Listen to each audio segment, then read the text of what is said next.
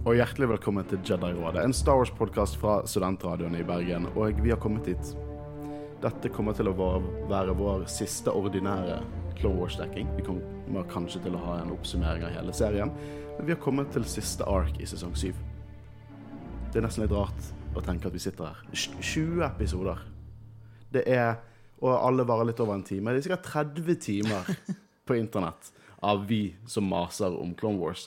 Og hvis det er én ting jeg og Christian har mast om helt siden vi startet dette her, så var det å, sesong syv. Og jeg, eh, som jeg forklarte i forrige episode, når jeg sier sesong syv, så mener vi siste fire episodene i sesong syv, og det er det vi har kommet til her.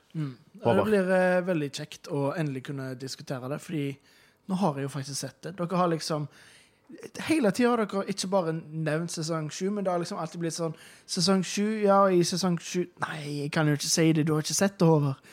Så det har liksom vært så mye Så mye snakk om denne siste arken her. Nå har jeg endelig sett det, og det er veldig kjekt. Men innfridde det?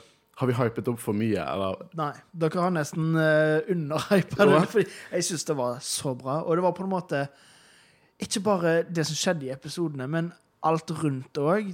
Du hadde den der gamle LucasArts-åpningen, eh, og så sto det liksom Part One med en skikkelig tittel, og den der røde Clone Wars-logoen. og Og Star Wars intro crawl-musikken. ja, og uh, soundtracket til episodene føltes ut som Blade Runner. ja, Nydelig musikk. Det var liksom Ikke bare var det en god Star Wars-ark, på en måte, men det var bra TV. Dritbra TV. Det er, det er litt sykt. Det er så modent. Det, er, det sier så mye. Det har så god filmatiske aspekter som pacing og rolige øyeblikk, der alle karakterene får en liten resolution. Uh, der, det, det, det utspiller seg parallelt med Revenge of the Sith. Og hvor kult er ikke det? Dødskult. Men nå som du er ferdig med Clone Wars, sett bort ifra denne podkasten, hadde du noen gang tatt opp serien?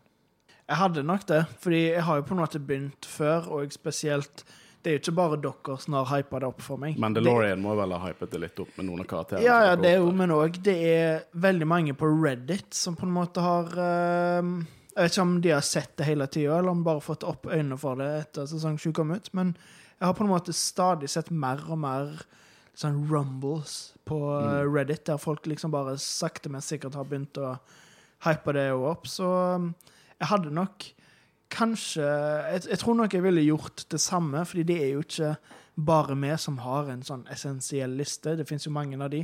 Så hvis, hvis jeg ikke hadde hatt podkast, så tror jeg nok jeg hadde sett det likevel. Ja. Bare for å ha følt at jeg må se alt. Mm. Jeg vil bare si at uh, Clone Wars har på en måte vært opp og ned. Vi har hatt sånn Mandalore-arker, og vi har hatt Jar Jar-arker. Og ikke alt har liksom noe, noe har vært supert, noe har vært ikke OK, dønn seriøst. Den Jaja arken Av alle eksempler, du finner dårlige arcs i denne serien som er verre enn Jaja arken Ja da, for all del. Ikke lenge før jeg kaster det vannglasset mitt rett i trynet på deg. Men poenget mitt uansett er at all, hele den ferden opp til disse fire episodene, som jeg vil si måler seg, hvis ikke bedre enn mange av sagafilmene. Og det er fire episoder, noen av de varer opp mot uh, en halvtime. Dette er en Star Wars-sagafilm. På, på alle mulige måter, bare så fra i navnet, så er dette en sagafilm. Ja, du får ikke bedre kvaliteten dette her. Eh, musikken, eh, animasjonen er top er notch. Det er noen nydelige shots her. Jeg elsker det når uh, Asoka og Maul står foran hverandre i eh, salen. Eh, nydelig animasjon når det sprenger. Eh, og eh, musikken som bygges opp i episode tre, eh, når den går parallelt med hendelsene med Anakin i Revenge of the Sith. Mm. Det er så nydelig, og du vet på forhånd at OK, nå skjer det noe. For det er bare sånn Det er nesten ingen dialog. Musikken bare er sånn er dyster og stem... Du vet hva som du kommer til vet å skje. hva som kommer til å skje, og det er, det er perfect. Det er John J, J, Nei. Dave Filoni på Han er så Mm. Og en ting denne, denne arken gjør veldig godt, er at han samler canon til de grader. Her får du referanser til Rogue One, du får referanser til Solo av Star Wars Story, du får referanser til Rise of Skywalker i denne arken. Ja, Last Jedi òg. Og Last Jedi. De, de, denne Clone Wars-arken er sånn med på bare sånn knyte en fin eh, knute på alle forskjellige typer canon vi har. Og det er noe jeg setter pris på. Eh, vi kan, kunne jo sikkert hatt denne introen en halvtime til, men vi kommer til å spoile litt shit ut av de fire siste episodene av Clone Wars. Eh, det er eh, alle fra sesong 7, episode 9 Old Friends Not Forgotten, episode 10 The Phantom Apprentice, episode 11 Shattered episode 12 Victory and Death.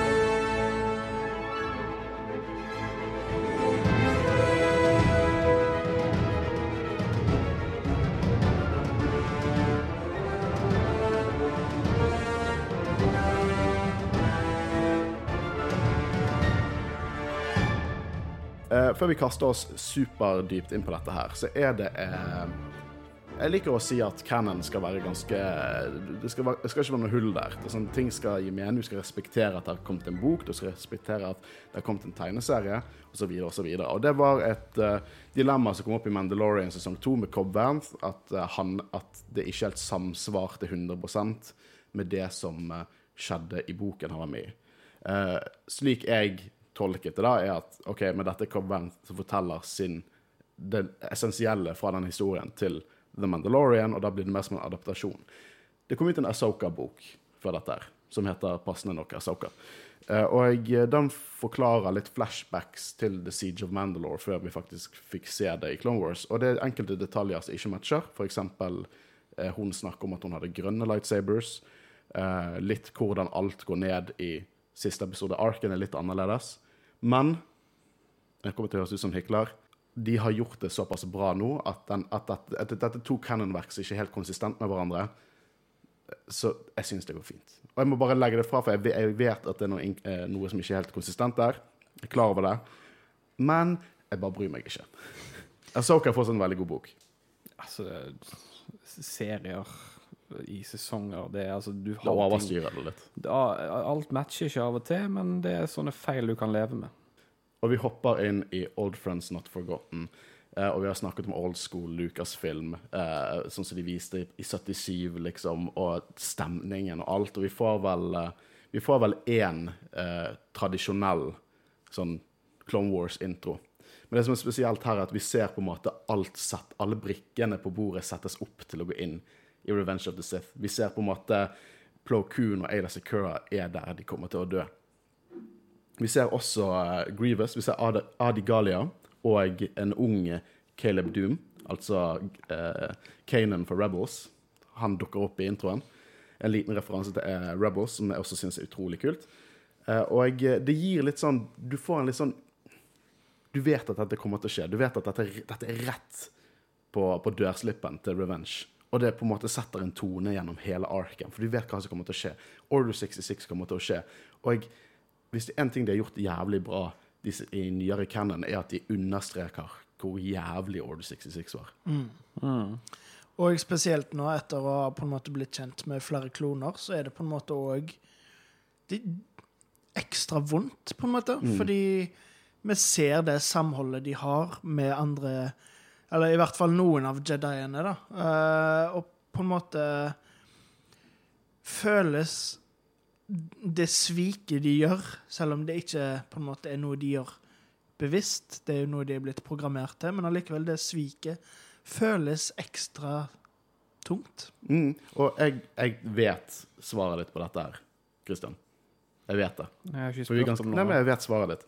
Men Håvard, gjør dette at du kommer til å få dypere følelser av å se episode 3 Revenge of the Sith? Det tror jeg absolutt, ja. Um, nå, nå er det en stund siden jeg har sett Revenge of the Sith. Du bør se den eh, snart. Jeg har lyst til å se den igjen, bare for å på en måte Hvis, uh, hvis vi tar en sånn felles Clone Wars-dekning, etter bare sånn at vi snakker om favorittøyeblikker, hele serien, så må vi alle ha sett Revenge relativt nylig. Bare for å snakke litt om hvordan det påvirker den filmen. For jeg, tror det, jeg mener det påvirker den filmen til de grader. Du kunne nesten tatt den arken og lagd en superkutt og bare splicet det inn Veldig artig, veldig artig du nevner det, for det er noen som har gjort det på Er YouTube. noen som har gjort det? Men uh, ja. Ja, det, jeg, jeg tror det, ja, det kommer til å være litt off-putting med animasjon versus live action, men jeg tror det kan fungere ganske bra. Jeg. Men det åpner litt sånn som en klassisk Clone Wars-episode. jeg merker også det at musikken er veldig mye mer sagafilm generelt nå. Det er på en måte Skywalker-musikken og klassisk Star Wars-musikk. Det det er nesten ikke Clone Wars-musikk. Her i begynnelsen er det bare sånn Star Wars-musikk fra sagafilmene mm. som setter tonen også. Det åpner på eh, Yerbana, der Cody og 212. bataljon med Kenobi har store problemer. Eh, og Anakin og 501st de dukker opp og, og redder de. Og det er når, når Cody på en måte holder på å bli sprengt, og så dukker Obi-Wan opp, og på en måte så ser du røyken på en måte treffer lysverdet. Det er så stilig, og animasjonen er så on point. Det er natt, Tenk hvor vi var i første sesong i forhold til dette. Mm. Skulle ikke tro det var samme serie engang. Eh, og jeg, masse sånne Du bare merker dette her er, dette her er liksom, de er brødre, de er venner. Og jeg liker også veldig godt det der at Rex og Five of First henger under, og så bare Hang on a little, little more. Sir, yes, sir. Eh, alle sånne klonehumor og, og dynamikk ser vi her. Og til og med droidehumoren fungerer òg, sånn som når Anakin liksom bare sier at Ja, nå er jeg kommet for å For å liksom ja, Hva er det norske ordet? Overgi meg. Overgi meg, ja. Nå er jeg kommet for å overgi meg, men uh, jeg vil gjøre det til, uh, til command-droiden. Ja. Og, så, og så kommer den droiden, og så liksom bare Dette er jo selvfølgelig bare lureri.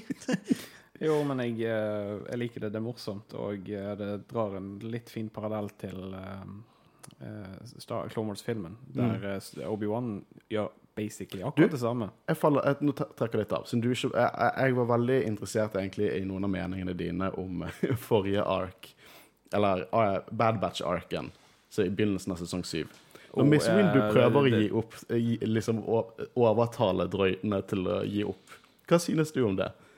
Eh, nei, vi kan ikke gå der. Jeg, jeg, jeg har ikke sett de episodene nylig, så jeg husker ikke så mye. Men at det er bare Mace Windu som bare sier Hei, jeg har drept sånn 100 000 av dere i løpet av tre år.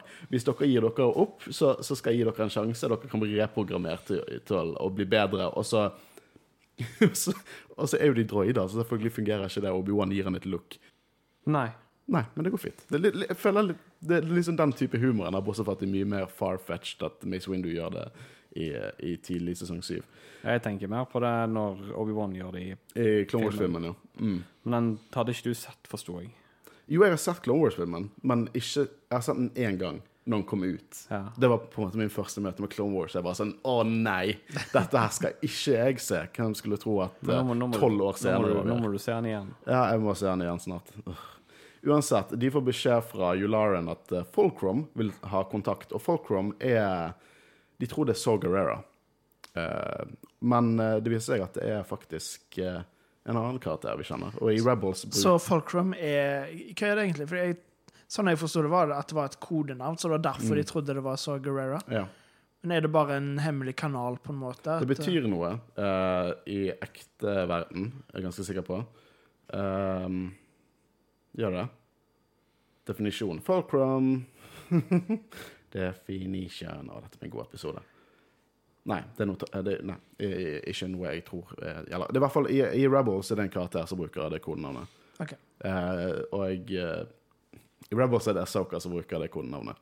Så det er, når vi hørte det, så tenkte Men det, det er et kodenavn som flere spioner bruker. Så det er ikke bare Asoka. Så det kunne på en måte Det kan godt hende at Saw Gerrera har brukt det kodeordet før.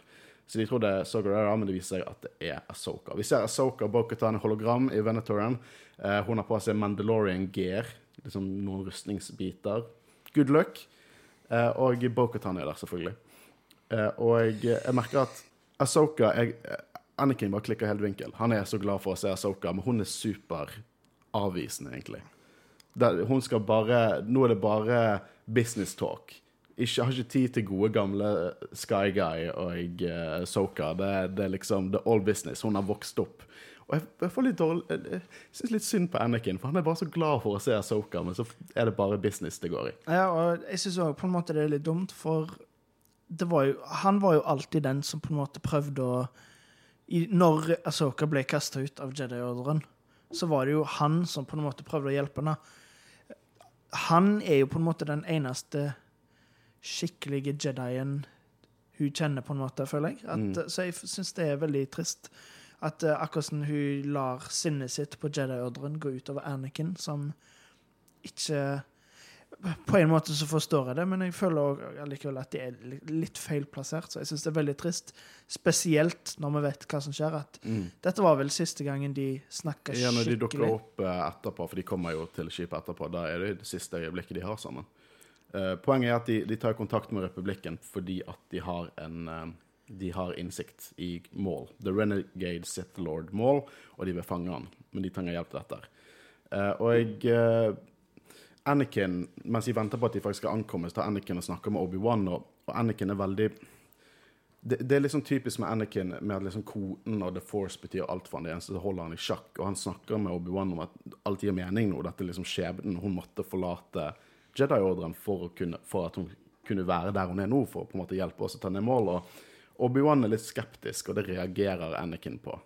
Som jeg føler er på en måte litt sånn Du, du ser du ser når andre Jedier på en måte ikke tenker sånn som han mener skal, man skal tenke når man er Jedi, at det plager han dyrisk. Og det samme skjer jo i Revenge of the Sith, når de ber han spionere på, uh, på Palpatine. Så jeg tenker liksom det er en liten sånn foreshadow til akkurat det der. Men Asoka Boketan og masse Mandalorians dukker opp, eh, og eh, musikken er sånn positiv dyster, nesten. Og Asoka går bort og gir en liten eh, klapp på R2D2, og det er bare et fint øyeblikk. Og, og det er fortsatt veldig all business for Asoka. I møtet så snakker jo på en måte Asoka om, om at hun var på Obedia og fikk, fant ut at mål var eh, på Mandalore, og eh, Anakin er jo på, liksom, hvor, hvor i helvete var du på OVD? Hva som skjer? Og hun bare Den tar vi senere. Så det er fortsatt det der det går i. Eh, men mål er på Sundari, hovedstaden på Mandalore, og de trenger en flåte fra republikken. Og da kan de få Mandalore, Bokhatan får få Mandalore, og republikken får Mål. Uh, og det er jo her politikken kommer inn. For Obi-Wan sier at hvis vi invaderer Mandalore, så bør vi så å si trukket inn i en ny krig. Eh, for vi kommer til å knuse gamle traktater om å ikke angripe og ikke invadere, fordi et nøytralt system. Og jeg liker den kommentaren 'Hva er en til krig for dere?' Er et godt poeng. Det blir også snakket litt om dette her med satin, for Bakotan sier jeg trodde satin betydde noe for deg, og det viser seg at Obi-Wan er jo litt sånn Han er splittet. Men det å være Jedi, det å være så å si en politisk Jedi mellom det å faktisk ha mistet en han elsker, og, og at dette her er jo Han kan lett falle ned og bli veldig hevngjerrig hvis han går veldig positivt inn i dette her og bare lar det skje. Men uh, han vil snakke med, med råd om dette her, da. Eh, og eh, det liker ikke Bokhatan. Hun sier at dette her var bare ubrukelig, vi skulle aldri ha spurt dem om hjelp. Og jeg liker disse små øyeblikkene, sånn som Obi-Wan får her. Han, vi får en liten sånn At han snakker om satin. Dette er en ark som omhandler Asoka og Rex hovedsakelig, men vi får øyeblikk der han snakker om satin, og, og det, det liker jeg. Det er en passende avslutning på Clone Wars. Veldig konkluderende. Eneste jeg kanskje skulle hatt, og jeg skjønner hvorfor vi ikke fikk det, vi skulle egentlig fått det eh, i en sånn uferdig episode Vi skulle hatt en episode der Anakin fikk eh, fikk på en måte snakket litt ut, bearbeidet litt det at Asoka forlot ordren. For det har vi kinda ikke fått før. Så det skulle være en eh, Det var planlagt, altså? Ja, den kan du se. Den, jeg, tror den heter Crystal Crisis. Ok, Så det var en del av de Vi vi nevnte jo i forrige episode at det var en del episoder som på en måte ble lagt før uh, Før sesong 7 ble annonsert skikkelig. Er det en del Det, av de, dette er en sånn som er uferdig. Det er altså animasjon og sånn ser helt møkk ut, men det er voice acting, og det er på en måte en episoder. Så det er mulig å se de, og jeg mener de er canon også. Kanskje vi faktisk burde dekket de, men eh, det har vi ikke tenkt over før nå. Jeg gidder ikke lage en til dekning av Clone Wars. Kanskje. Vi, vi får se. Ikke Kanskje. Uh, men i hvert fall Ta det som en bonus. Ja, ta det som en bonus. Det, men det skulle jeg kanskje satt i denne stilen. Liksom, jeg kunne kastet vekk store deler av Mattes-søstrene Arken for å få en episode der Anakin Tenk litt over hva som har skjedd. Men uansett, de fineste øyeblikkene her er jo når Anakin og Soka får øyeblikk til å snakke alene, og klone driver og, og hilser til hun, kaller hun commander, og hun er litt plaget av det. Skywalker sier jo at lojalitet betyr alt for klone, og det gjør jo det. Det betyr jo alt for klone. Uh, og det er bare Dette er en fi, et fint øyeblikk, når de har malt hjelmene sine etter Asoka sine farger. Og det er bare, det er bare et fint øyeblikk. Uh, og så plutselig For eksempel når Rex eh, Når Asoka sier til Rex Du trenger ikke kalle meg commander lenger. Så, OK, sure thing, commander. Jeg bare, å, de er så glad i hverandre. Det er så mye respekt der. Jeg bare elsker det. Og uh, plutselig så kommer jo uh, alarmene på, og det her det her revenge begynner. Fordi at Grievous har endelig angrepet Corisont, og jeg forteller at og de, han er ute etter The Chancellor for å høre at Shakti er sendt for å passe på The Chancellor. Det er en liten referanse til originale Clone Wars, altså de her eh, tegnefilmene. eh, Samurai Jack-stilen. For der er jo det faktisk uh, Shakti som passer på, eh, på The Chancellor, mens uh, Grievous angriper. Så en liten refer referanse til det. Ikke at den serien er canon, da, men det er en fin liten referanse til det. Den skal vel komme på Disney Pluss? Den skal komme på Disney Plus, ja. Jeg vet ikke når han kommer til Norge, da. Det er litt snakk om at han ikke kommer til Norge med en gang. Men jeg håper han kommer til Norge snart. For jeg skulle dere, eh, 90% av dere lyttere har jo stemt på at vi, dere har lyst til å høre oss snakke om det. Så det blir nok sikkert en liten bonusepisode der vi snakker om det. Eh, det som også er interessant her, er jo at Obi-Wan og Soka begynner å snakke om politikk. Sånn, du skal dra dit for å redde chancelleren, du skal ikke redde folket, det er det som er fokuset ditt. Og Obi-Wan sier nå er du urettferdig, så sier hun ja, men det er det jeg prøver å være. Så eh, snakke om liksom, hvordan folk har mistet troen til Jedi, liksom, deres prioriteringer er helt feil. Akkurat der er jeg veldig enig med Obi-Wan. Ja, akkurat der, og det er eh, jo det han sier. Nå er du urettferdig. Ja, fordi så, så klart, de vet jo ikke at dette er planlagt og alt mulig sånn, men under andre verdenskrig Hvis noen hadde bare kidnappa kongen Selvfølgelig hadde folk begynt å redde. Ja, sant.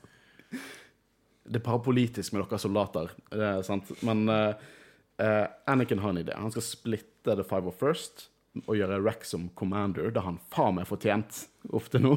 Eh, og så lage en ny divisjon der Asoka advisor til Commander Rex. Og jeg, jeg gleder meg til å si Commander Rex. Det, bare, det passer så mye bedre enn Captain Rex. Commander, han fortjener det. Han er den beste klonen. Eh, så de lager The 332 Company. Og det som er dealen her, er jo at det er tidligere Five of First med disse oransje hjelmene som de har malt for å hedre Soka, og det er bare stilig. Det er bare, det er bare passende. I alt. Og det gjør det enda mer trist når Order 66 kommer, at de har på seg disse hjelmene. Obi-Wan, han eh, han er litt salty. Eh, han sier greit, eh, men han, er litt salty på at Mål overlever hele tiden. Så han sier liksom sånn Jeg drepte Mål én gang. Han, han liker ikke å være død, så best å fange han. Og eh, nå er jo det det at at uh, overraskelsen Anakin har til Asoka, er at han har tatt vare på lightsaberne. Og jeg uh, sier de er som nye. Kanskje litt bedre, for de er blå. For Asoka hadde jo uh, grønn og gul-grønn farge før. Og jeg begynner å tenke litt på sånn, La oss tenke på farger til Kyber Crystals. For det, det har jo blitt diktert i canon at fargene endrer seg basert på hvordan man bruker The Force. Så jeg tenker bare det betyr at Anakin har virkelig tatt vare på dem.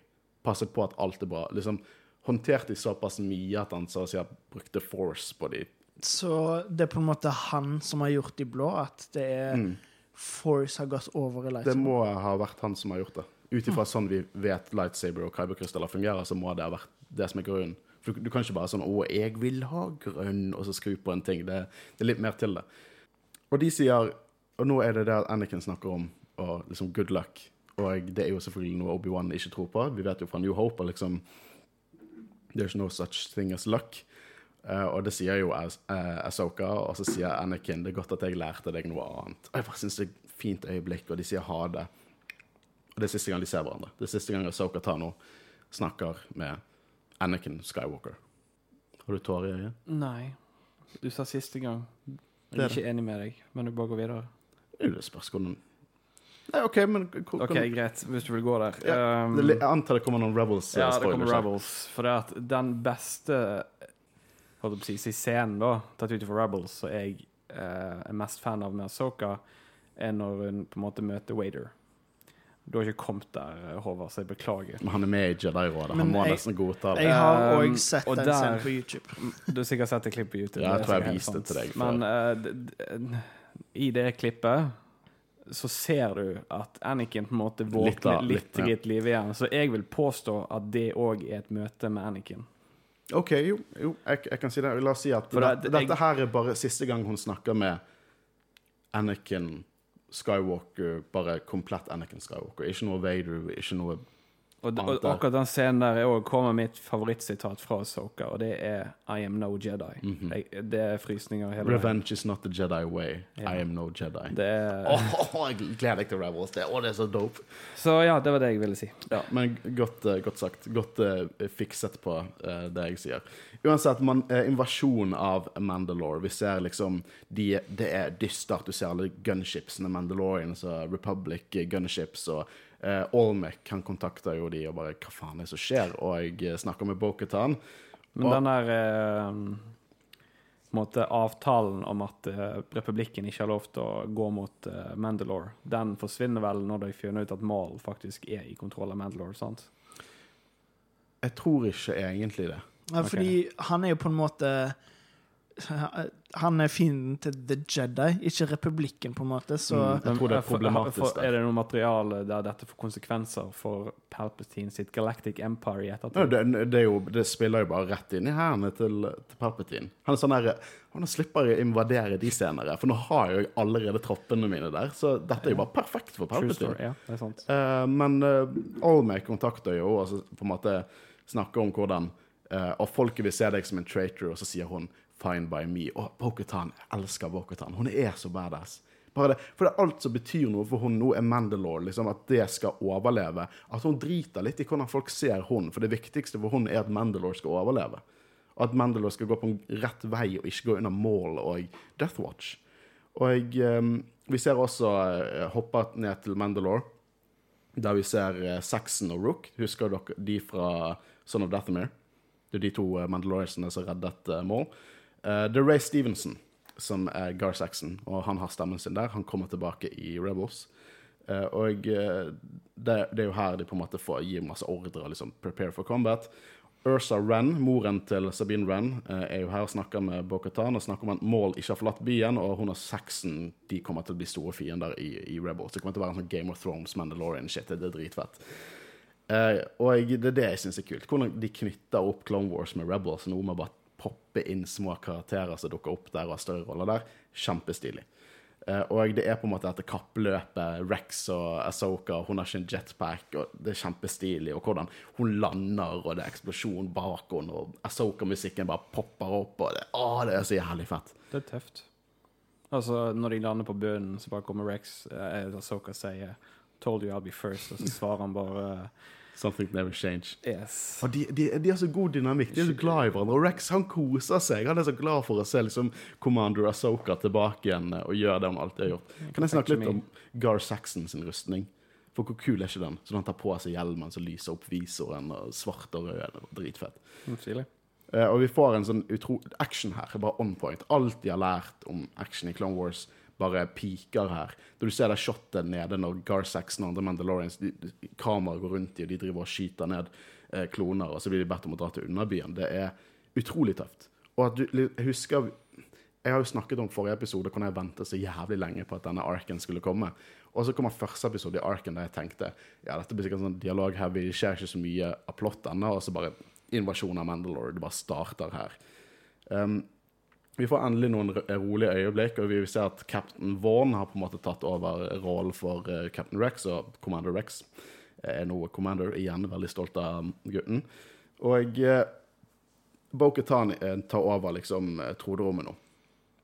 Og du ser at Olmec har eh, på seg rustning, og det syns jeg var litt kult å se. For at alltid tenk, Olmec han er liksom en liten rotte.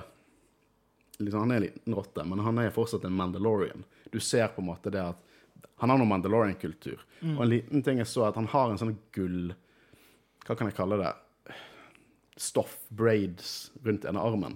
Og det er litt sånn Bobafett har. Eh, Han har i Wookie-scalps rundt armen. men Litt sånn samme deal. Så jeg begynner å lure på om det Bobafett har, er noe mer Mandalorian enn bare trofé for å være dusørjeger. Men var det noe spesielt med rustningen til Armek? Er det på en måte litt som Hvis, jeg trekker til f.eks. gamle riddere og sånn, så kongen gikk jo ikke alltid i rustning, men de hadde sine egne rustinger, de òg, som gjerne var veldig fine og liksom Det er jo helt sikkert det det spiller inn i. For det er jo en veldig sånn pompøs og finere Litt mer sånn seremoniell rustning. ja, ja, absolutt. Eh, og uh, Bokutan tar jo selvfølgelig han ned, men det, det er kult å se at han faktisk Han gir, han, han gir seg ikke som en pingle der og da.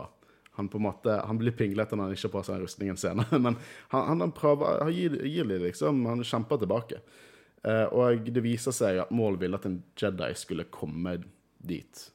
Eh, og, men Bo-Katan tok med seg feil Jedi, og da innser hun at Maul, nei, Jedi, at Asoka går inn i en felle, for hun har fulgt etter de i underbyen. Eh, og eh, kloner dør. Vaughn dør.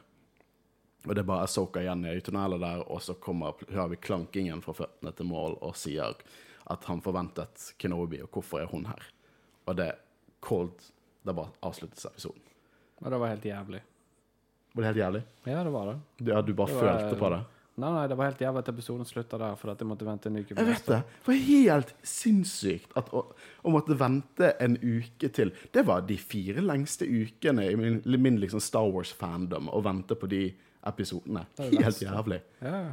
Men så kommer vi til neste episode, som etter min mening er den beste episoden i Clone Wars. Bare, bare, ikke sånn, det, vi har andre episoder der det skjer syke ting, og vi får masse revelations, men bare her, filmatisk, hvor stilig det er, revelationsene vi får.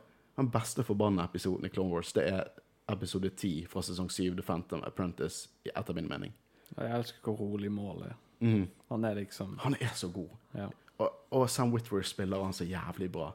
Alle spiller rollene sine så jævlig bra i dette. Det er nydelig. Og det er bare cold opening. Det er ikke noe Det er ikke noe Siege of Mandalore! Det er liksom det er bare cold opening, og det begynner rett der det sluttet. Ikke noe eh, prev preview av det som skjedde forrige gang, i, i recap. Det er bare Maul og Asoka. Eh, og, han sier, og så sier hun at ja, men jeg kjenner deg. og sier han ja, vi har vel mest sannsynlig litt felles venner. uh, og uh, Asoka kontakter jo Rex imens, da, men uh, Maul uh, Han leker litt sånn Han leker dum nå. Han bare sånn 'Jeg trodde Knobby skulle dukke opp. Hva, hva het han andre fyren?' Um, Skywalker, var det det han het? Som jeg synes er en nice liten touch. Uh, og Maul sier sånne ting bare Han lurer på om ting allerede startet. Det øyeblikket på de, og så, og så hva hva du snakker om. Eh, og eh, at liksom å gi opp, så kan du komme og på en måte fortelle Jedi alt annet der. Og så sier hun ja, etter mine kalkulasjoner så er nok ikke Jedi eller Republikken i bildet. Sånn, hvert øyeblikk så er ikke de den kontrollerende makten i galaksen. Uh, og så spør Asoka hvem da, og så sier Maul Darth, Darth Sidious med frykt. Det er frykt i den stemmen der. Eh, og det gir jo enda mer mening etter vi har sett Son of Death Dathomir når E12 sine er ikke der. Han er mye mer underdog nå enn han noen gang har vært, egentlig. Eller jo, han, han har jo det ganske bra med å lede Mandalore Shadow Collective, men det at Tolson ikke er med i bildet lenger, det tror jeg påvirker han. Men hva får deg til å tro at Eller liksom eh, Det er jo ikke bare for deg til å tro fordi vi ser det i serien, men hva er det som får mål til å tro at ting er på vei til å skje? Tror du han senser det, eller er det bare at han tar hintet om at eh, fordi Kenobi ikke er der, at han hadde viktigere ting å gjøre?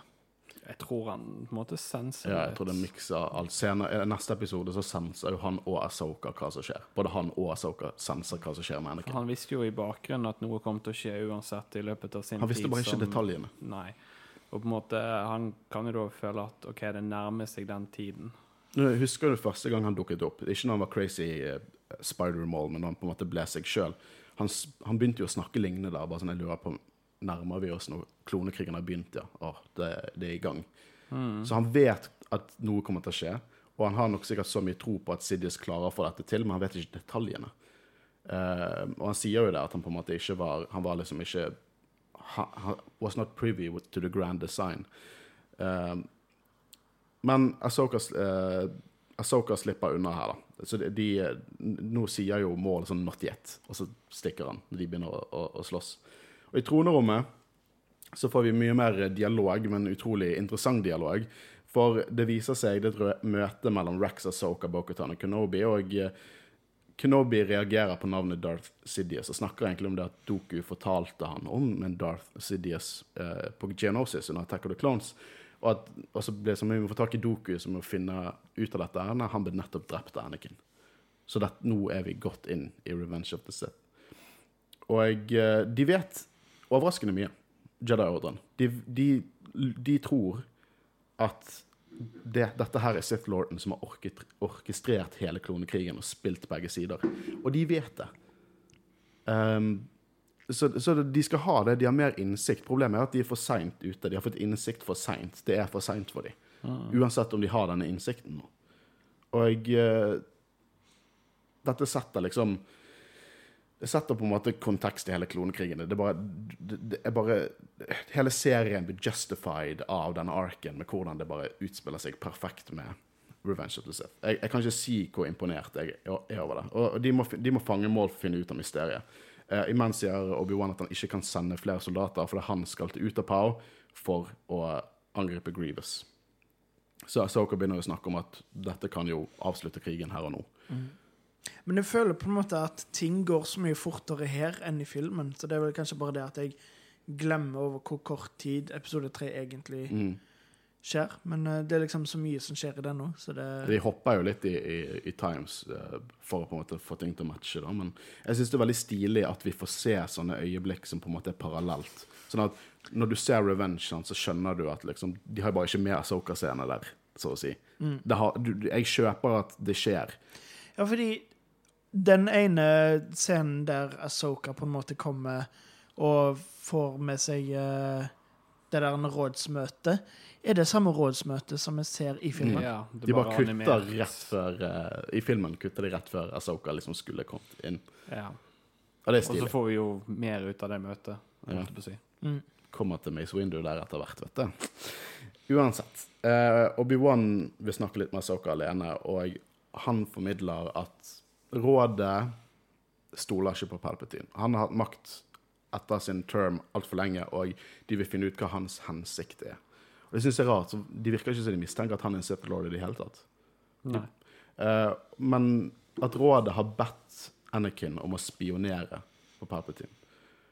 Og her får vi noe interessant. For Asoka hun er, var tidligere padawan av Anakin, så jeg kjøper at hun har et kjempegodt bilde av Palpatine. Begynner å snakke, Dette er jo helt fucket. Palpatine er en mentor og som en far til Anakin, og dere ber han om å spionere på han. Dette er helt fucket. Ahsoka er helt på siden til Anakin her. Og så reagerer hun på at Obi-Wan ber han, hun om å snakke med han, men så sier Obi-Wan faktisk at nå må du huske at rådet har ikke alltid rett. Og jeg vil at du skal liksom snakke med han som en venn og ikke noe annet. For det plager jo Anakin, selvfølgelig, og det vet vi. Og, og jeg, synes det, det, det, det er, gir mye innsikt til Obi-Wan. Han er jo helt klart i konflikt med hvor Jedien er. Og, og det gir mye, mye innsikt i forholdet Asoka og Anakin har. Og, og bare det øyeblikket når Asoka sier 'si til Anakin', og så bare stopper Obi-Wan og sier 'jeg skal si'. Og det, bare, liksom, det er ting som de ikke trenger å si til hverandre. De, og det, det, det er så annerledes fra tidligere Clone Wars, der de er veldig bokstavelige på alt de sier. Du har snakket om det før, at liksom, dialogen har ikke alltid vært perfekt, for de som sier absolutt alt, Sant? ingen kan misforstå noe. Sant? Men her er det nyanser, tolkninger. Det, det er en så moden fortelling. Absolutt, det er det. Men i underbyen, så du merker stemningen, og kameraet bare går ned i underbyen. Og, og Maul har på en måte fanget Ark Trooper Jesse, og han har merket at han var eldre, og at han var så inn i hodet hans, på en måte. Og Maul tar en Kylo Ren.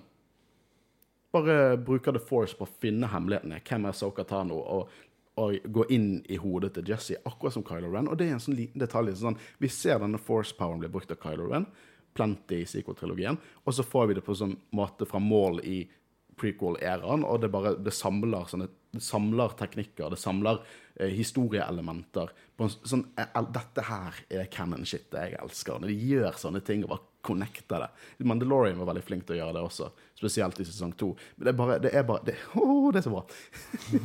Eh, men de, han kommer fram til liksom det at klonene var alltid en del av planen, men hva, hva er deres rolle å spille her? Og, og han sier bare det at han kan trives i dette kaoset som kan komme, og han ber Al uh, Saxon dra til Olmec og stoppe han fra å gi ham ut informasjon, for Olmec er jo fanget av Bokutan. Og uh, her uh, hopper vi til det fengselsscenen der, der Olmec viser hvem han er. Sånn, han vil ikke fortelle noe, og så sier Asoka, litt ukarakteristisk, bare Bo, hjelp han å huske. Og så han bare sånn Nei, ikke skade meg! Eh, og han forteller jo det at at eh, Mål har hatt en plan, og så blir han skutt av sexen. Og rett før han dør, så sier han at han hadde en visjon, han måtte ha Han var ute etter en viss Skywalker. Og det er bare sånn det som skjer? Hvorfor jeg husker første gang jeg så det, var hvorfor i helvete er Maul ute etter Skywalker? Hva faen er det som skjer? Uh, så er Bo- Bo-Katan versus uh, Saxon, men Saxon slipper unna. Og jeg har ikke så mye å si på akkurat noen av disse actionscenene, men det føltes veldig som en sånn god prequel-action. Det føltes litt som å Jeg vet ikke, det, det bare føltes veldig prequel-æra. God prequel-æra. Det der med heisen og Det føltes litt som introen til Revenge med Anakin og Obi-Wan. på The Invisible Hand med heisen og alt det der. Eh, Jeg får ut ifra episoden ehm, inntrykk av at ehm, at Maul vet jo at uh, Anakin er Palpatine sin master. og det er det som er så sykt. Men jeg, jeg, hvordan han vet det, det vet, jeg vet ikke om jeg kommer fram Jo, det, det, han nevner litt. Vi- Det, vi kommer til den, for det, det, det er en ting her nå som jeg synes var utrolig stilig, og det er referanser til Solo av Star Wars Story. For at Maul skal snakke med lederne av syndikatene. Så å si Crimson Dawn. Han snakker med Black Sun, Pikes og Dryden Voss. Ja, han er der. Ja, Han står Dryden Voss er der. I Clone Wars-stil. Skurken fra Solo. Husker du han? Om jeg gjør. Så du han der? La du merke til Han står til og med på samme måte. eller Han gjør det med Vet du hva? Det tenkte jeg ikke over. I Men- filmen så har han spilt han der fra Han Vision. spiller Vision i Ja. eh, Marvel-universet. Paul Bettany. Bettany, ja. ja. Bettany. Så han er, fordi det, så han er med i serien òg? Eller han- han, er- han sa vel ingenting, han, Han, bare han bare var der. der. Han sto der, men det er han. Du ser han har på seg drakten. Han har de her stripene på hodet. Samme positur som, han- som står på når det er bildene til Solo. Ok, Siden min tidligere episode nå nevnte at vi burde se Revenge of the Sith rett etterpå, så kanskje når jeg kommer hjem, kanskje jeg bare skal se denne arken på ny, og så se filmen rett etterpå. Ja, jeg anbefaler deg å gjøre det, for det er, det er en opplevelse. Uh, men syndikatlederne skal gå i skjul, og Mål snur eh, seg og snakker til Rook og eh, Sexton om at 'Å, dere har reddet meg uh, tidligere'. Og det er egentlig all konteksten vi får, hvis ikke du har lest Son of Dathomir, på hva som skjedde mellom. Dere to reddet meg. Så hvis ikke dere der ute har lest Son of Dathomir, les den. Det, det er ikke verdt å bare høre oss snakke om den. Les Son of Dathomir, og så ser dere denne arken, og så ser dere Revenge of så har dere den beste fuckings trilogien ever. Eller gå på YouTube. Eller går på YouTube. Uh, han snur seg nå og ser der Doku og, og, og han er de samme, de bare begge one step behind. Og at han sier at the dark side has never been stronger. Og det syns jeg er interessant. Uh, hvordan du har the force og bokstavelig talt med balanse. Ikke sånn at du tenker å, Det er ikke sånn at å, hvis det er to Sith og så mange Jedi, så er det ubalansert. Nå er det bare Nå er det bare én Sith. Det er én Sith Lord, og du har mål, men han er ikke en Sith lenger. Og allikevel har dark side never been stronger. Liksom, mål senser det. At bokstavelig talt i The Force nå, i kraften nå, så er den mørke siden sterkere. Og, så det viser at det er ikke noe sånn bokstavelig på det. Det er ikke sånn at liksom, til, Du kan til og med argumentere at Jedi som eksisterer nå, lar the dark side bli sterkere, og derfor må de gå. Derfor er det en del av balansen. Derfor må Jediene bli Skogen må, må brennes ned for at nye kan vokse. Mm, ja, fordi hvis ikke Jediene hadde vært så naive og på en måte uoppmerksomme, så hadde jo ikke dette skjedd. Hadde det vært balanse da? Jeg tror det kunne, eh, det kunne blitt balanse, men det, det, liksom, om det bare var disse Jedi Hvis, hvis Sidious ikke var i bildet, og bare Jediene var sånn som de er i prequel-trilogien, så tror jeg ikke det hadde vært- balanse. Men òg, som du sier, det er jo ganske interessant at det ikke bokstavelig talt er en balanse med liksom at det er to og to eller fire og fire, liksom. Det er bare hvor kraftig Det er noe mer spirituelt bak det. Ja. Så det, er, det har jeg ikke tenkt over, men det er veldig interessant at eh, du på en måte At du kan se på det på den måten. Mm. Jeg føler vi får en liten referanse til, um, til uh, Children of the Watch her. For Mål snur seg til Mandalorian og sier det er ikke meningen at dere skal bo her nede i kloakken som rotter. Altså, de kommer til å oppleve det der ganske mye fremover. Men uh, han sier det at dere skal, dere skal Hvis dere dør, skal dere dø en ærefull død på kampen. Liksom, han vet hvordan han bruker den kulturen mot dem og får dem med. Men jeg synes det, han kaller vel de sånn in the gutters like rats. Og det er vel noe Pass Vizsla sier i Mandalorian sesong 1, at liksom We're hiding like rats, eller noe sånt. Så jeg, jeg er at det er en liten referanse til, til hvor Children of the Watch. Og hvis det er sånn som jeg tror det er, så er jo det disse folkene som kommer til å i hvert fall delvis bli Children of the Watch. Men um, nå bare spør jeg om noe helt annet. Fordi i Mandalorian så snakker de om at Kan jeg nevne at uh, Mandalore har blitt til is omtrent? Eller glass? Eller Mm. Er det noe vi får se i Cannon, eller er det på en måte bare hinta til? Det er litt, det er litt loaded uh, question. For det at eh, Mandalore nå er jo liksom fucket opp. Det er derfor de bor i disse glasskulene. for å ikke på en måte bo på overflaten. Det, det, er liksom, det er et hostile environment. Det er ikke mye frodige ting der det er vanskelig å leve der, så de har bygget disse byene sine. Men eh, de, vi har ikke fått det at for Bobafett sier jo i Mandalorian at det Mandalore er glass, det er ingenting å finne der. Og, og Din Djarin mener jo at det, den planeten er fucket. og og Boketan mener noe annet. Så, og folk har hintet til at er det imperial propaganda, som sier bare ikke dra til den planeten? Er det Thrawn som har Mandalore og stopper folk fra å komme dit? Det er et svar som Vi har fått tre forskjellige svar.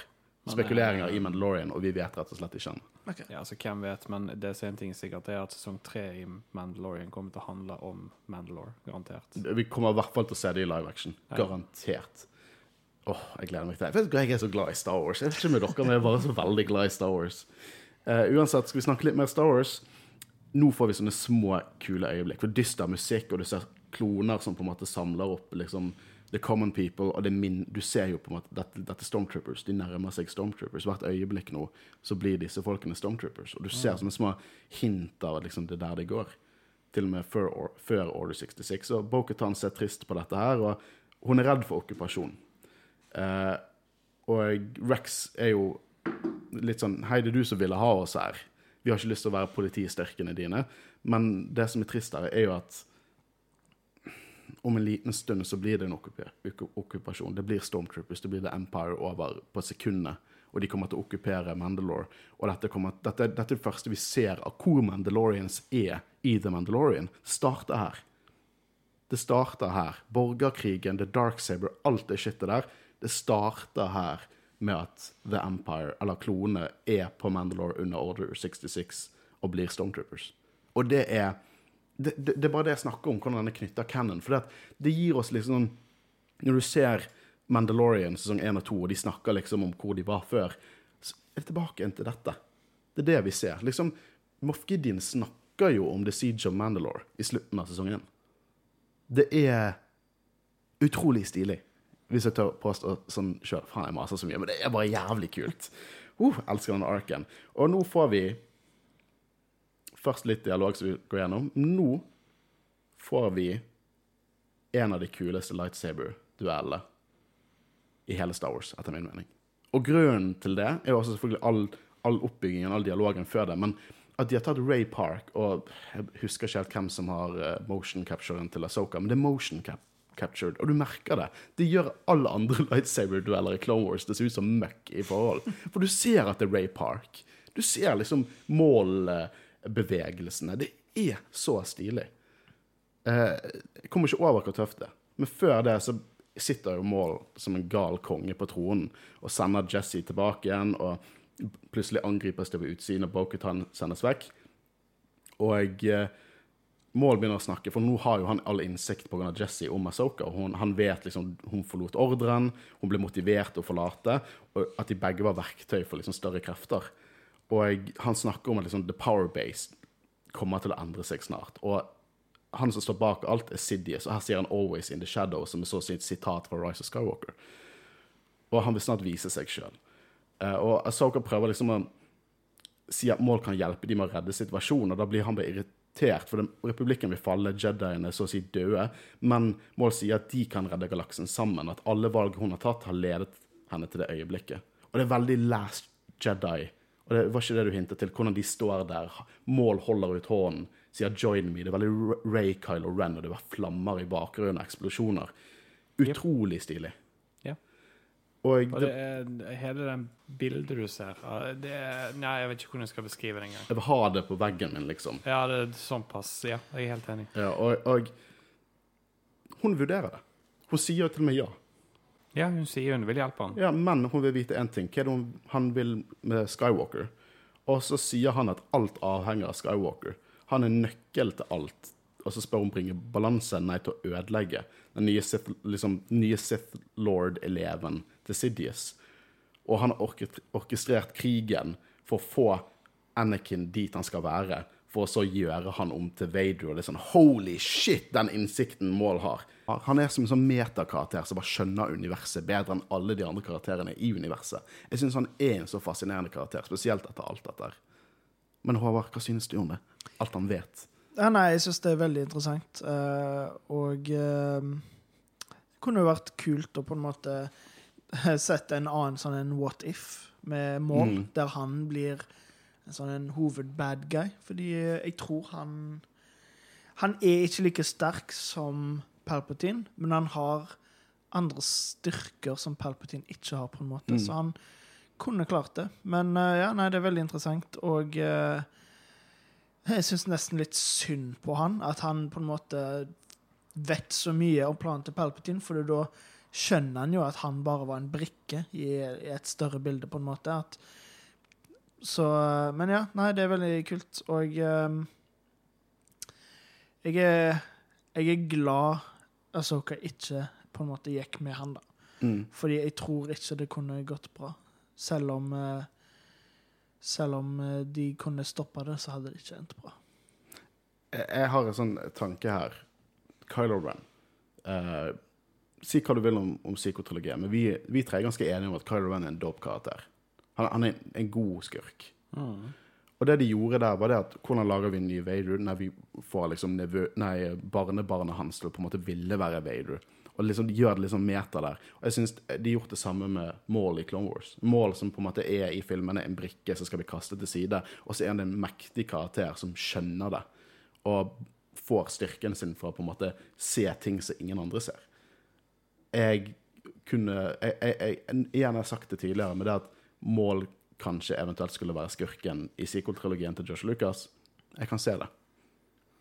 Men, Men- så mikser Sith og kriminell, det Jeg forstår det litt torsent å på en måte hive ut materiale som baserer seg på hva som egen, en gang kunne vært sequel-trilogien, men kan det produseres et tegneserieverk av det? Eller blir Som det What If? Ja, eller Altså Marvel gjør jo det samme. Med, de skal jo lage en animert What If-serie. Mm. Jeg tror ikke Jeg tror ikke det Altså, det kommer kommer sikkert til å bli en haug med folk som sier well, That's my canon sequel trilogy. Fuck the other one. Det, Men det er ikke oss! For vi tar alt, uansett hvor mye vi hater det. ja, ja, ja, men det er liksom det, er det mulighet at det kan en gang bli det? Hvis jeg, kommer speku hvis jeg skal spekulere nå Disney Ja. kommer aldri til å produsere det. Men de, kommer, de hadde ikke stoppet noen fans av å lage det. For eksempel, nå kommer det en, en fanlaget tegneserie som er liksom Duel of the Fate-skriptet til Colin Trevorrow. Ja. De lager en som ser ganske solid ut. Men jeg tror ikke Jeg tror ikke, jeg tror ikke Disney kommer til å gjøre noe sånt. De, jeg, jeg vil ikke utelukke What If-serier. Jeg har bare en følelse på at akkurat det med Darth Maul eh, eh, Det var rykter til å begynne med, liksom. Det har liksom aldri blitt 100% bekreftet. Det var sånn basert på noen notater. Så jeg tviler, men jeg hadde ikke utelukket at vi kommer til å få en fanlaget tegneserie, f.eks. Mm. Det akkurat dette her med what if-ting. Det var Legends mye flinkere til å gjøre. De, de var veldig på det at OK, nå legger vi ut liksom graphic novel, originalskriptet til New Hope og sånne Jo, jo, ting. men så- det, det, ble, det ble jo Legends uansett. ja, sant. Så det var det. Var det. Men eh, akkurat der var, var Legends ganske flink på, på sånt. De skal, de skal få den. Men kampen, da, dere? Mm. Jeg føler ikke det er så mye mer å si enn det du sa i stad. Det er en skikkelig dope kamp. Og eh, du, som du sa, du merker at det er motion capture, og det er kul koreografi, og det er Du føler sinnet til begge karakterene, på en måte. Det er Mm. Jeg tror ikke det er noen arcs som gir større emosjonell påvirkning enn denne arken her, og det merker du òg spesielt i denne fighten her, som er, som dere begge har sagt, dope. Ja, det er det. Det er liksom ikke bare en kamp for å være en kamp, det er en kamp som betyr så mye. Det blir tyngde bak alt som blir gjort der. Eh, jeg- Det er mye å si de hopper ut av bygget og kommer på toppen av Mandalore, eh, og eh, du ser det at klone gradvis vinner, eller klone og Bokhatan sine Mandalorians gradvis vinner. Uh, og når Maul blir tatt ut og roper, han roper sånn 'Let me die, you are all going to burn'. Du bare merker hvor desperat han er. Hvis, han, dette var hans siste utløp. Liksom. Dette var hans siste ting han skulle gjøre. og Hvis ikke han klarte det, så vil han bare dø. Og du merker frykten han har mot The Empire. Det potensielle Empire som vil komme her. Og det, det er Igjen, jeg, gjentar meg mye, men det er så mye mer modent enn f.eks. de tidligere sesongene. Er en sånn moden storytelling med liksom dramatikk og følelser og si, eh, hat og det, det var nyansert. Jeg, jeg, jeg synes det er helt fantastisk. Mm. jeg liker også den lille kommentaren når Gar Saxon sier du må hjelpe oss, og så sier han bare sånn I think not. Die well, Mandalorian. Og så bare skal han gite ut derifra. Men han ble tatt til fange, og så hopper vi inn til episode 11. Shattered, eller det mange har kalt Order 66-episoden. Og du merker her, her, her tonen, stemningen. Det er bare sånn Alt burde vært OK, men det er for mange spørsmål. De vet ikke alt. og det er en underbyggende tone gjennom hele episoden og de tidligere episodene på at noe kommer til å skje. Og jeg, eh, jeg vil også kommentere litt sånn Asoka Bokutan. Det er så mye respekt mellom de to. Det, det, er så mye vennskap og respekt mellom de to. Jeg har så lyst til å se de to i live action møtes. Tror dere vi kommer til å få se det? Vi, må, vi kommer til å få se det. Nå må jeg tenke. Uh, ja, du uh, Med tanke på at jeg- begge har vært live action i Mandalorian, så skal ikke se bort ifra det. Nei, ikke i det hele tatt. For at jeg, jeg, jeg, jeg er ni- 100 sikker, men det er selvfølgelig litt uenighet, kanskje. Men jeg vedder på at det kommer til å handle om at Mandalore blir på en måte oppreist igjen i sesong tre. Og jeg gir meg ikke på den. Nei, men jeg, vet ikke om, Men jeg i- er enig, men jeg vet ikke om det skjer i sesong tre. Nei, det er der vi kanskje Ja, OK, Ja. men uansett så eh, tipper jeg jo da at Bo-Katan på en måte vil ha litt assistanse fra den hun på en måte har. Jeg tror det kommer til uh, Thrawn har noe å spille på begge de sider, tror jeg. Jeg tror Ja. at uh, det er det som kommer til å knytte de to. Har de bekreftet nå hvem som kommer til å spille Throne? Nei, men det må være Lars Mikkelsen. Hvis ikke er Lars Mikkelsen, så aksepterer jeg det. Men vi må være Lars Mikkelsen. Please la det være Mar Lars Mikkelsen. Men uansett, her får vi Citizen-meme. For det at uh, så Jeg har ikke sett det. har du sett meme? Nei. Ok, men du vet, eh, du vet mine følelser på Mace Windu. Eh, mm, Krystallklart, ja. For det at uh, Ahsoka går rett inn etter de kutter det der I sense a plot to destroy the Jedi. Rett, de bare gjenskaper scenen på hologram uh, fra Revenge, og da kommer Ahsoka inn rett etter de kutter i Revenge. Og eh, hun snakker liksom at hun gjorde sin duty as a citizen, og, og, og eh, spør litt mer spørsmål om dette her med For Obi-Wan mot Grievous, og Anakin er med Palpatine for å informere om det, og at liksom krigen holder på å bli avsluttet. Og så sier Mace Windu For hun har jo innsikt nå. Hun vil snakke med Anakin, fortelle det som har blitt fortalt. Hun kan stoppe dette her, men Anakin er bare sånn akkurat litt langt vekke. Det er som et fuckings mareritt. Men hvis Miss eh, Windu ikke hadde vært den største, bitreste lille drittsekken og så stolt av å være en Jedi Er du ferdig? Nei, jeg er ikke ferdig. For når hun spør litt mer innsikt, så sier hun I'm sorry, citizen. Dette her er Jedi business. Fuck off. OK, jeg, jeg vet det liksom OK, fuck you too, men um, hva, om hun, hva om hun hadde sagt noe? Ja, men Det kan jo godt hende at, at, at eh, hun kunne hadde Altså, sagt, hun hadde jo noe, sagt noe til hun hadde to minutter med Yoda etterpå. Ja, men det, det, det er jo på Asoka Ahsoka sin rygg her at ikke hun forteller noe. Men det er også Mace Windu som bare ikke gir hun en sjanse. For det, liksom, hun har ledet en invasjon og fanget Darth Maul. Og han kan ikke dele informasjon om dette her og kaller hun en citizen. Jeg tror han bare er bitter for at, eh, for at hun forlot ordren. Ja, bare bitter. Jeg er så, han dør snart. Jeg er så glad. De, de kaster han nå ut, da, men det er nå De kastet den ut. Hva har du å si, citizen? Hva jeg har å si? Ja, citizen? Citizen? Ja. Um, nei, det kan Ikke jo være Ikke si at Mace Windu kunne overlevd og fall, befalle det der. Han er død, OK? Ja, er han det? Ja, han er død. Eller er han en med kraften, som vi ser i The Rise of Skywalker? Men uh, jeg skal ikke gi deg frysninger nå. Men jeg vil bare si at ehm, det kan jo òg være at Ahsoka ikke sa noe for at hun på en måte nekter på all hennes tro at det som er sagt av mål, faktisk er sant. Mm, det tror jeg òg. Jeg tror at hun er utrolig i konflikt nå, og hun bare aktivt benekter det. Rex, Hun har fortalt det til Rex, eh, og Rex var sånn 'Hvorfor sa du ingenting?' Og sånn, jeg snakka med Anakin senere. Men eh, jeg liker den lille scenen mellom Yoda og Asoka, og eh, Og hun og More to you say do you have? Ja, og så bare kaller hun en Padawan. Og Yoda, ass. Han er en goding. Bare, han, han bare har så mye kjærlighet til Asoka, og på en måte er det eneste støttende elementet hun har i det jævla rådet.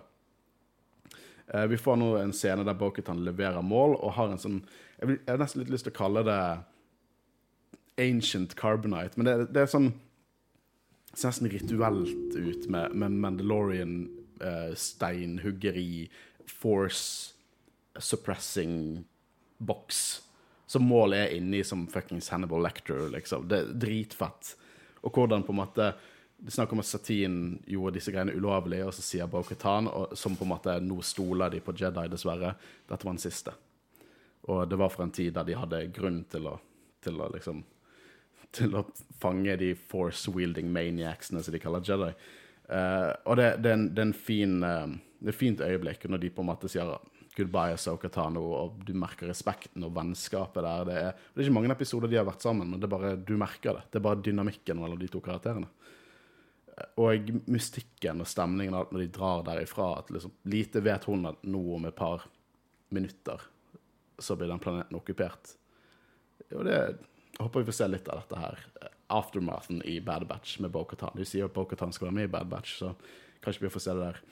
Og uh, i hyperspace, når vi skal levere mål til Corisont, så på en måte har Rex og Asoka et lite rolig, fint øyeblikk sammen. Og jeg liker det aspektet, for Asoka begynner å snakke om at Jedi skal være fredskjempere, men alt hun har kjent, er krig og være en kriger. Og så begynner Rex å si sånn at kloner er litt sånn i konflikt med hva de skal synes om krigen. For det er bad and all, men hvis ikke det hadde vært en krig, så hadde ikke de eksistert. Men her òg gjerne et vakkert uh, En vakker ting der uh, du òg må jo tenke på at uten krigen så hadde ikke klonene eksistert, og det er akkurat det Rex sier. Mm.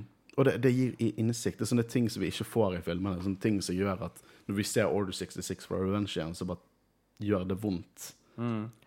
Men det er jo den episoden jeg eh, Sånn som jeg snakket om helt i starten, at uh, musikken har en sånn stemningsfull og dyster stemningsfullhet at måte, du, du, vet det er bygget opp til noe vondt. Mm. Du vet at nå kommer Order 66. Det er så effektivt hvordan de gjør det. Mm. Dette er den beste Clone Wars-musikken Kevin Kiner har laget ever. Som du sier, nesten litt sånn Blade Runner 2049. Mer det enn Star Wars. Så det funker altså utmerket til stemningen. Uh, og Rex får en briefing, da, og så plutselig kicker det inn eh, liksom en visjon.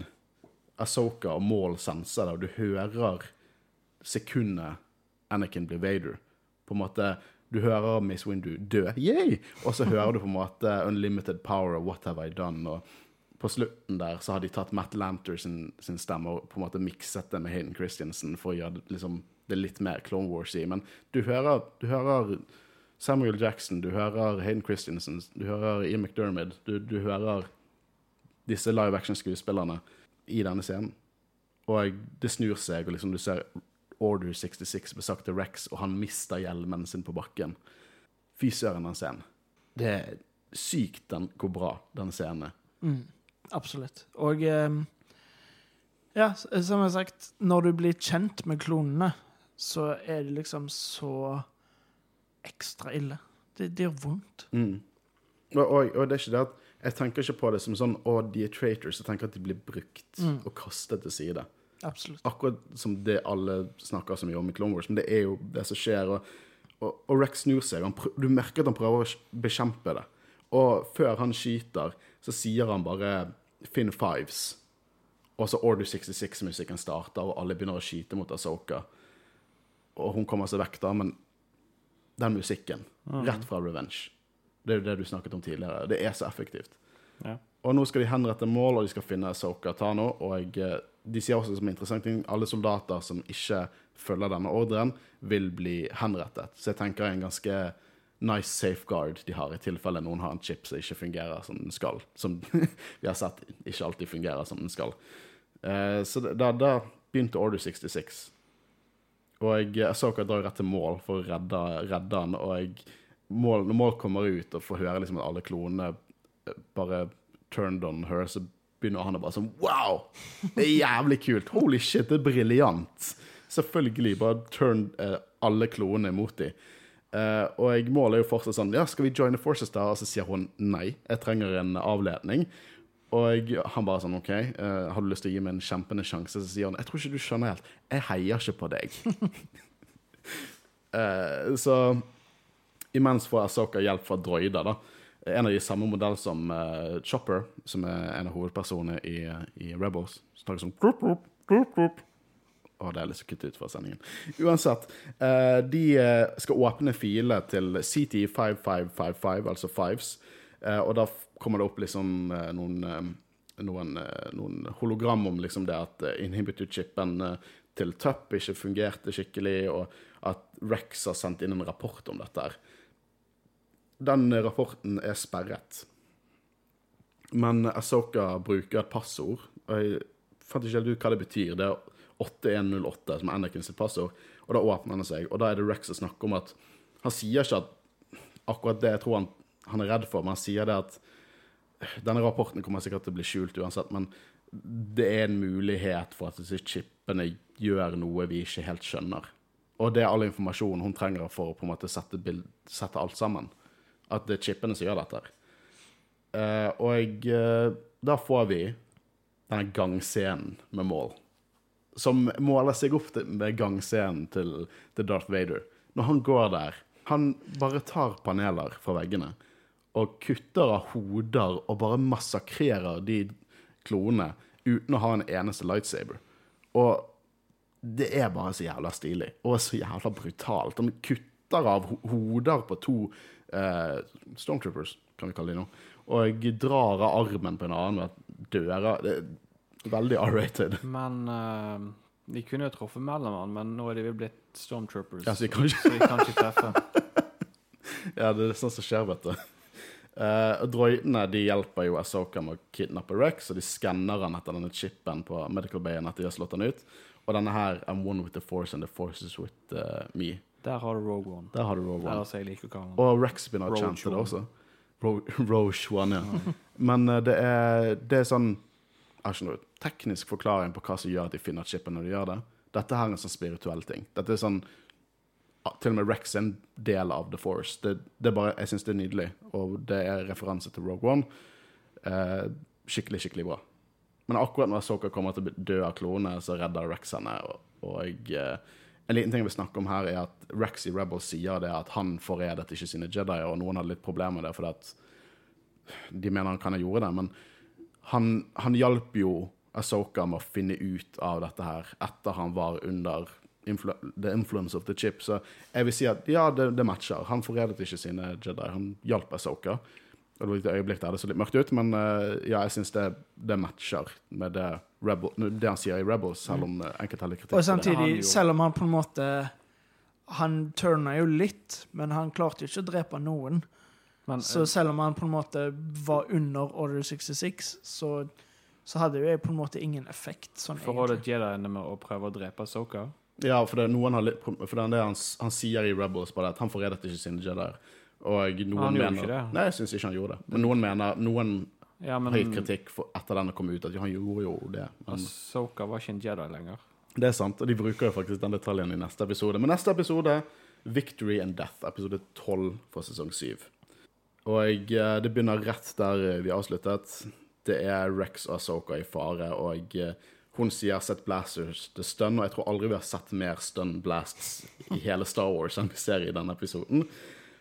Men Asoka vil ikke drepe noen av dem. Jeg liker det skikkelig godt, fordi hun vet jo nå at de ikke kan noe for det. Og ja, selv om de aktivt prøver å drepe hun, de har ingen nåde, så er det liksom sånn at hun, hun vil fortsatt prøve å unngå det. Er ikke det litt fucked up uh, når du ser Revenge of the Sith, Sith nå, når Yoda bare sånn fuckings kaster en lightsaber inn i brystet til en klone og bare hopper oppå han og drar han ut igjen? Hvor brutale de er. Det er Ja, det er faktisk ganske brutalt, ja. Uh, men um, nå, uh, nå sier hun det at hun slapp løs mål, og Rex reagerer litt på dette. liksom, What the hell gjorde du nettopp? Eh, og det kommer jo litt konsekvenser av å sluppe ut mål, for han går inn i hyperdrive-rommet og bare fucker opp hele driten. liksom Force Unleashed fucker opp hele driten. Og, og det, det er sånn tanke at Mål han er mer sånn lightsaber-dude, type sett, men han, du merker jo det at han, han er utrolig sterk, i, sterk med The Force. Eh, og det gjør jo at Venetoren er kastet ut av hyperspace, noe som så utrolig tøft ut. Det så nesten live action ut, når den bare ly lyset og, og, og fargene deres bare ble kastet ut, og du så røyken bare komme opp. Og den er nå krasjende mot en måne.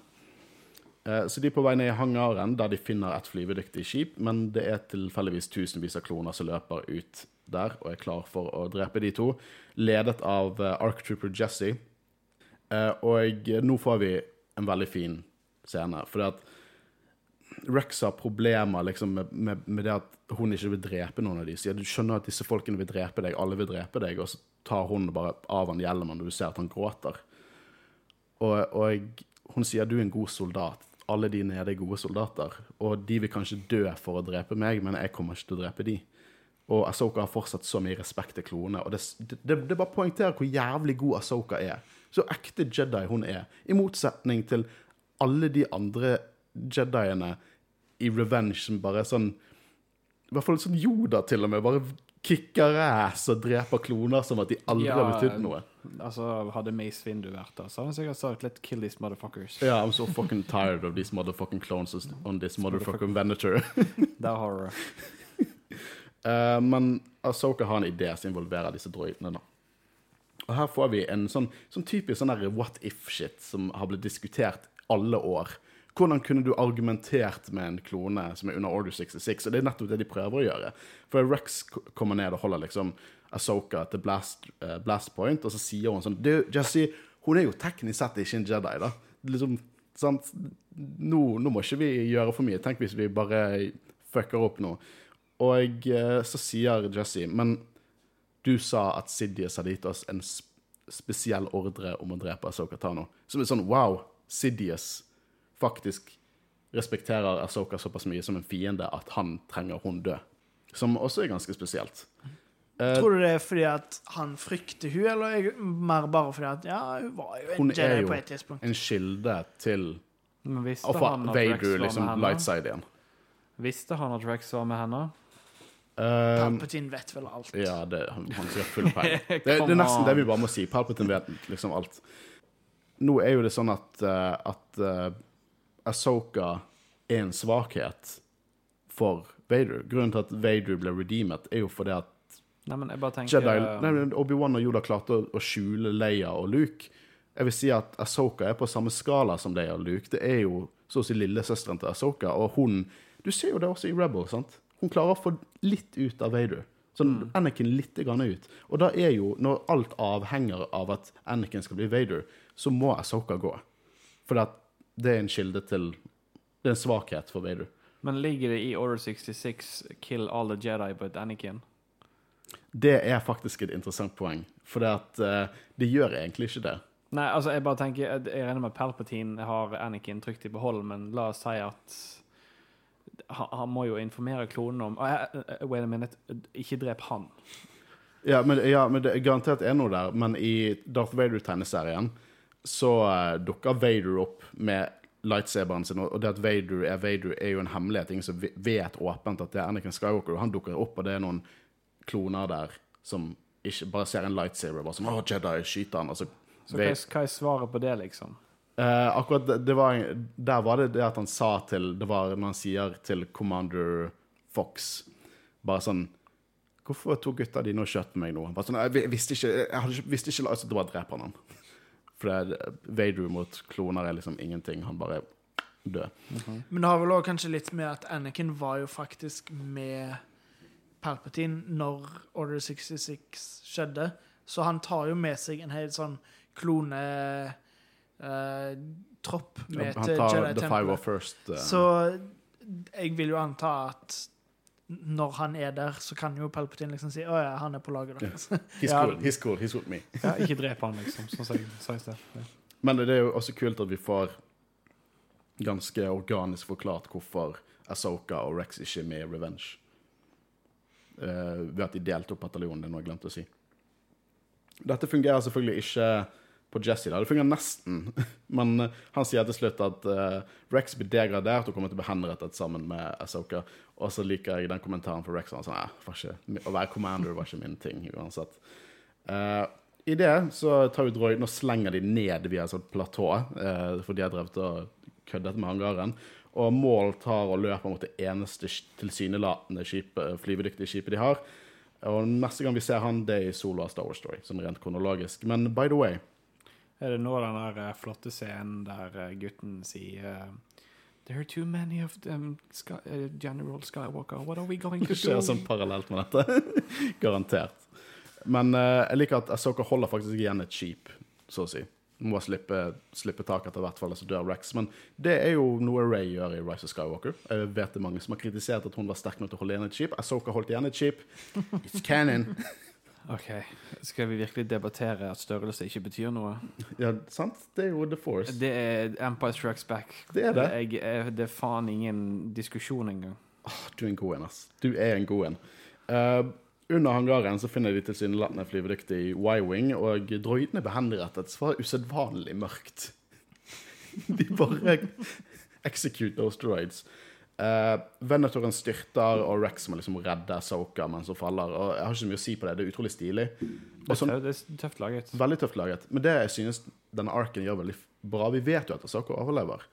Men jeg er fortsatt sånn Å, faen. Tenk. Jeg, liksom, det er fortsatt involverende. da. Du er fortsatt engasjert på hva som skjer med disse karakterene. Førstemann til bunnen. Mm. Og så kommer epilogen.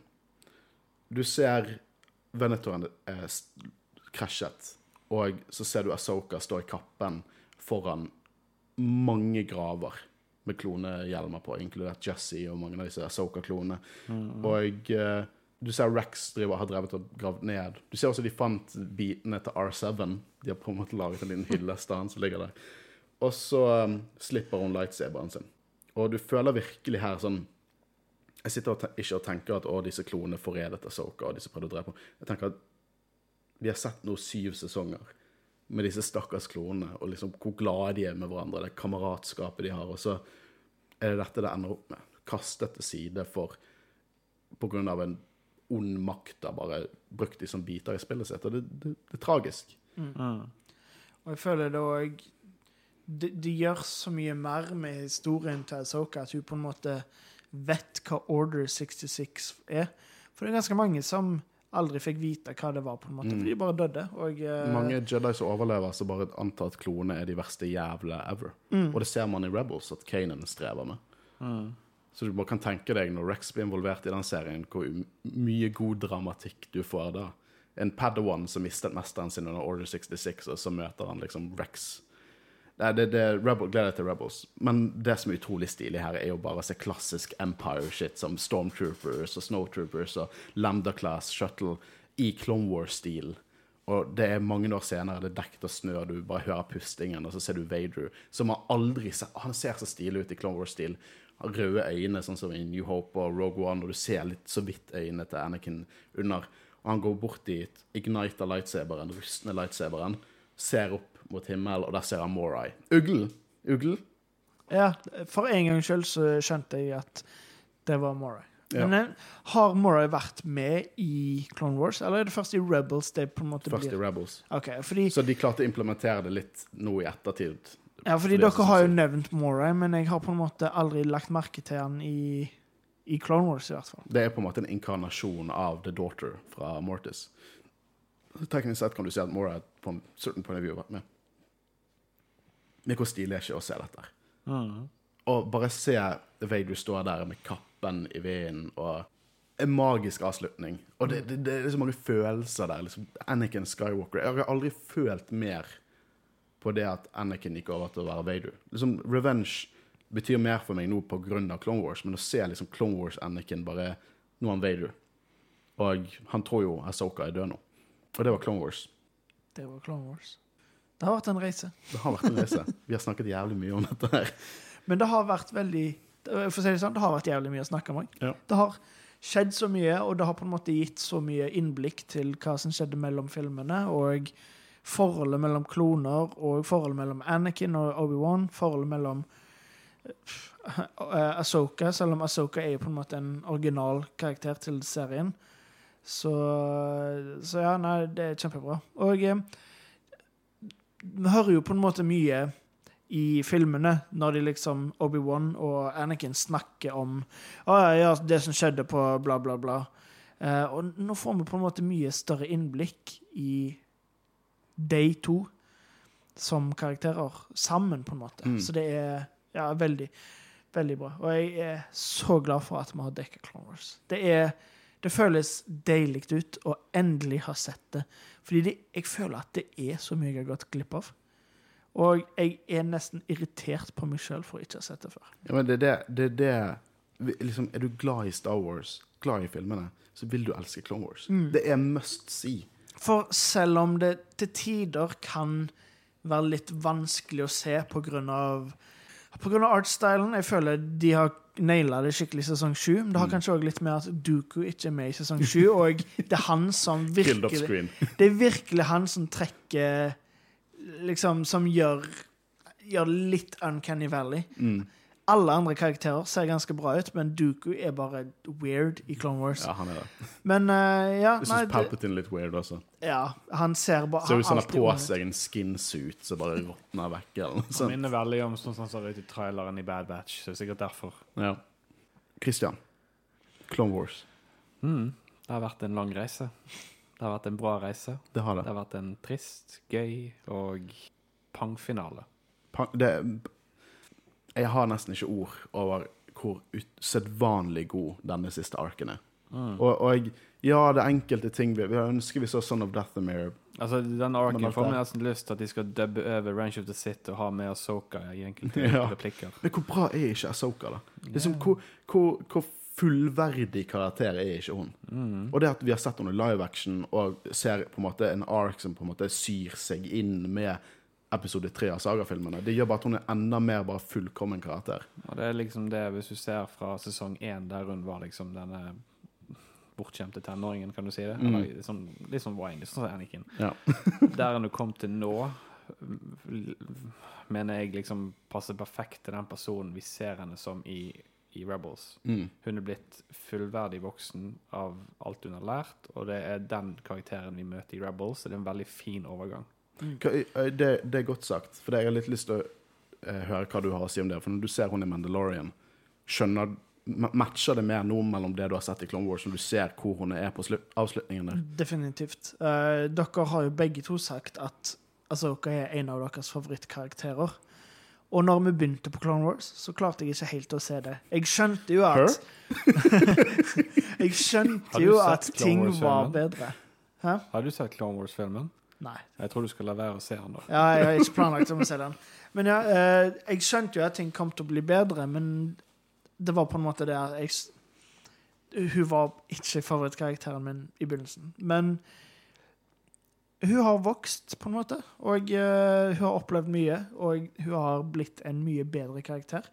Så jeg vet ikke om, eh, om det er bevisst at Clone, når Clone Wars begynte, så ville de ha henne til å være så ung og naiv og sånn, og at eller om det alltid har vært planlagt at hun skulle gå den veien. Men uansett, så Hun er en annen karakter i slutten, og hun er Ja, hun er blitt en av mine favorittkarakterer òg, fordi hun er liksom Ja, hun er, hun er Soka Hun er fucking Stana.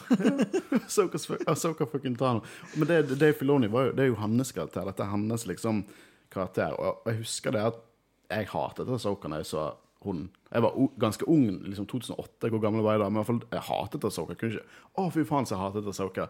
Og så sitter jeg her tolv år senere og snakker liksom bare 13 år senere og snakker om hvor jævlig bra den karakteren er. Beste, en av de beste karakterene i Star Wars, syns jeg. Og, og, og han var sånn Bare liksom hang on. Jeg har noe bra her. Jeg har noe karakterutvikling.